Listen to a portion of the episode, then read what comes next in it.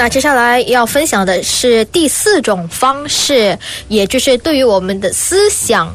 进行清理或者说断舍离。那第四种方式呢，其实跟刚才第三种的是还蛮像的，就是写日记。如果刚才呢是写出来嘛，就是写在笔记本；如果是这个第四种方式呢，就是通过写日记的方式 （journaling）。那当我们遇到问题的时候，或者说有烦恼的时候啊，然后又没有一个我们可以相信的对象去。诉说我们的烦恼，我们的问题，那就可以通过在，就是通过写日记，就是在日记本里我们写出来，那这样呢，就是一种很好的释放负面情绪的。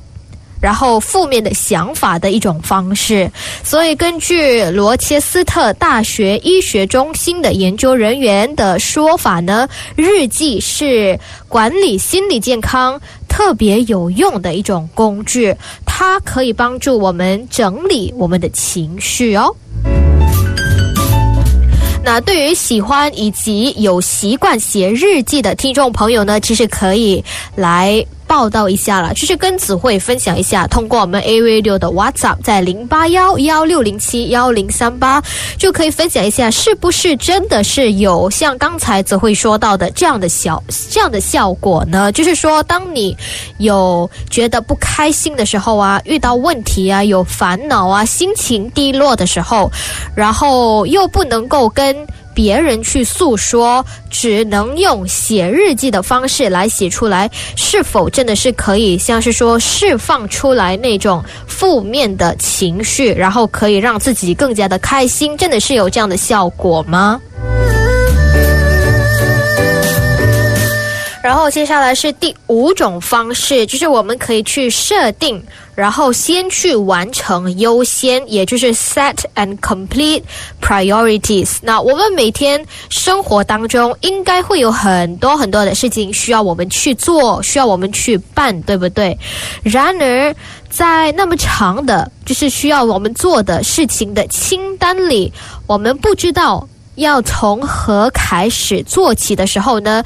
其实最为简单的方式就是看哪一个是特别重要的，是要马上去办的，就是哪一个是优先，我们就先从那个最优先的开始做起就好了。然后第六种方式呢，我们就是要减少一次性的进行多任务，也就是 reduce multitasking。其实很多时候呢，我们会觉得，呃，当我们一次性可以做很多，就是进行很多的任务啊，就是 multitasking 是很不错，就是很有效力嘛，很有效果。然而有研究表明说到，这种一次性进行多任务啊，实际上就会逐渐的降低我们的效率，因为呢，我们要知道的就是人类本来就不是一次性多任务的。进行者，我们本来就是不是不是可以 multitasking 的那些这样的一个能力呢？就是我们生活磨练出来的，其实。如果我们长时间一直去这样做的话，就是一次性多任务的话呢，它就会让我们的大脑充满太多的活动。所以，一次性去专注一项任务呢，是可以避免我们的大脑还有我们的精神超负荷，就是 overload。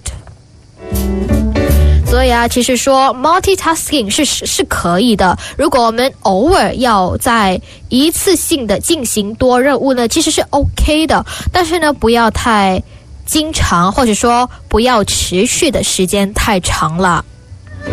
有些时候呢，我们也是需要一次进行一件任务，然后专注于一件事情。